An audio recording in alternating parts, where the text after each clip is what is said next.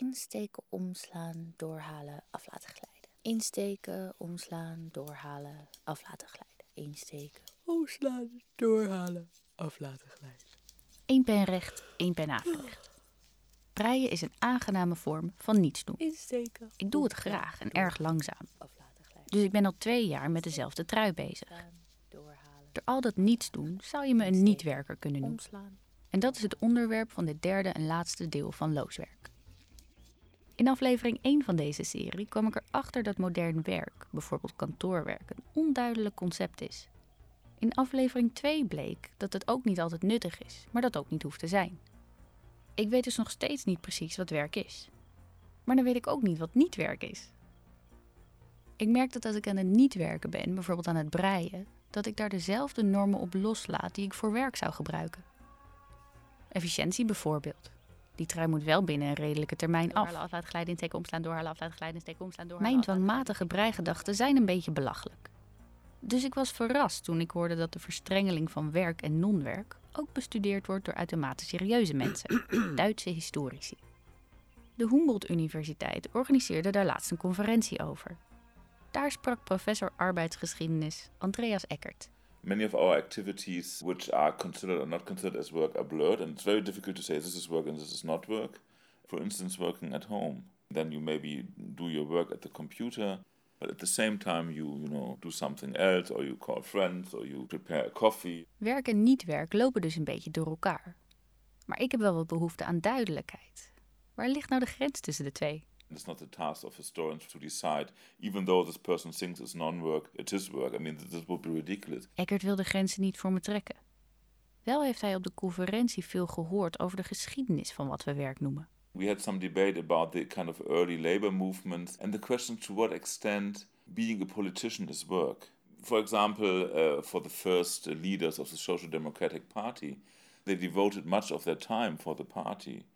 And when people were asked what they're doing, they said, I'm a lawyer or I'm, I'm a merchant. And their political work was not really considered. Politiek was dus vroeger niet werken, maar is dat nu wel? Een activiteit bestempelen als werk betekent dat die een bepaalde goedkeuring krijgt. Maar als steeds meer dingen werk worden, blijft er minder niet-werk over dat de moeite waard is.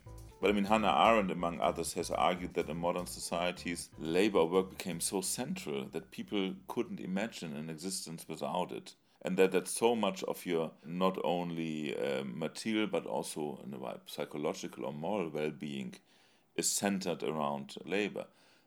People find it very important to have a lot of free time and leisure, and all these kind of leisure activities become very important part of their life, so their hobbies and, and, and traveling around and so on and so forth. But the funny thing is that many of these people then still talk about these leisure activities as, as a kind of work again. So I mean, probably you can't escape it really. We nemen de dingen die we doen als we niet werken erg serieus. Als ik mijn breitargets niet haal, is dat natuurlijk niet zo erg.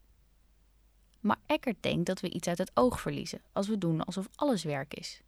I think what, what we lose is exactly that uh, work uh, for most people in most times has been pressure, has been exploitation, has been violence, has been subjugation. Uh, you know, working under harsh conditions in a mine, being forced to work on a plantation.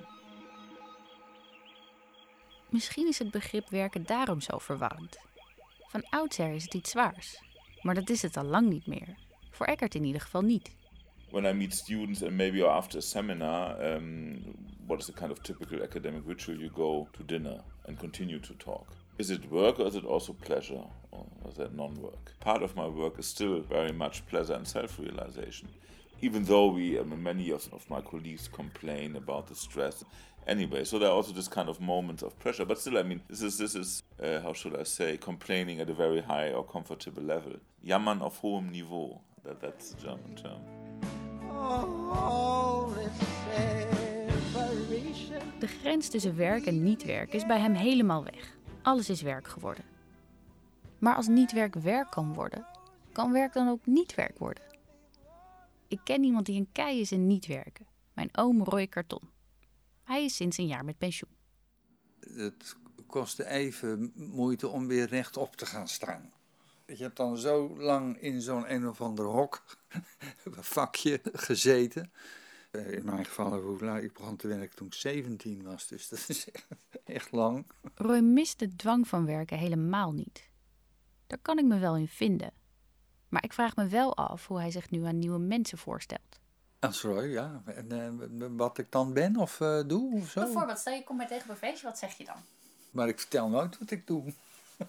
ik heb wel op een, als ik een e-mail verstuur, dan staat er wel retired psychotherapist en retired clinical theologian. Ik vind die vraag naar wat ik doe altijd wel lastig, want ja, ik doe niks. Roy heeft daar nooit zo'n last van gehad. En ik vraag me af hoe dat zit. Volgens mij hangt dat er dus af van de mate van waarin je je aan het werk uitlevert. Als je dus gelooft in je rol en je gaat daarin op, kijk, dan word je dus een gelovige.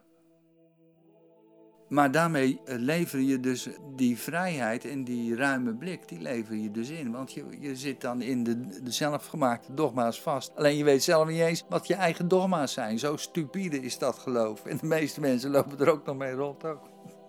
Als theoloog kan hij het weten. En ik heb wel iets aan zijn advies. Neem je werk niet al te serieus. Roy ontdekte dit jaren geleden toen hij werkte als nachtverpleegkundige in een psychiatrische kliniek. Om ervoor te zorgen dat de patiënten rustig in bed bleven, had Roy een trucje bedacht. Ik ben toen midden in de huiskamer gaan zitten met mijn studieboeken. En zij snapten allemaal, oh ja, ja die jongen die gaat daar zitten studeren, want nou, dat is wel heel belangrijk of zo, dat is heel goed van die jongen. Dus zij bleven ook in hun bed, want anders zouden ze mij storen. Dus niet werken, bijvoorbeeld studeren, kan een rol spelen binnen wel werken. Er was iets paradoxaals. Ik zat daar eigenlijk niet zozeer verpleegkundige te wezen, maar ik zat daar om heel iets anders te doen. En merkwaardigerwijs, in de mate dat je je dus niet bezighoudt met het werk, blijkt dat werk vanzelf te gaan die mensen waren allemaal super tevreden. Het ging ook heel goed met die afdeling, want iedereen sliep daar gewoon zo goed. dat is natuurlijk heel gek. Volgens Roy is een beetje niet werken juist heel goed voor je werk. En goed voor jou. Want als je alleen maar serieus aan het werk bent, dan mis je van alles. Dan zou je dus helemaal over het hoofd zien dat nog heel iets anders kan gebeuren dan alleen maar uh, oppassen en veiligheid bieden en pillen bestellen en controleren wat er allemaal moet gebeuren. Ik, ging over de pillen. nou, ik heb wat besteld. Niet alleen voor Of je nou creatief pillen bestelt of betekenisvol contact maakt met mensen op je werk, altijd wordt het leven er interessanter van. Mijn gebrek aan geloof in werk zou wel eens heel goed kunnen zijn. Ik loop in ieder geval niet het gevaar dat ik mezelf er helemaal in verlies. Na drie afleveringen van Loos Werk ben ik overtuigd. Op een paradoxale manier ben ik de ideale werknemer. Juist vanwege mijn ruime ervaring met non-werk.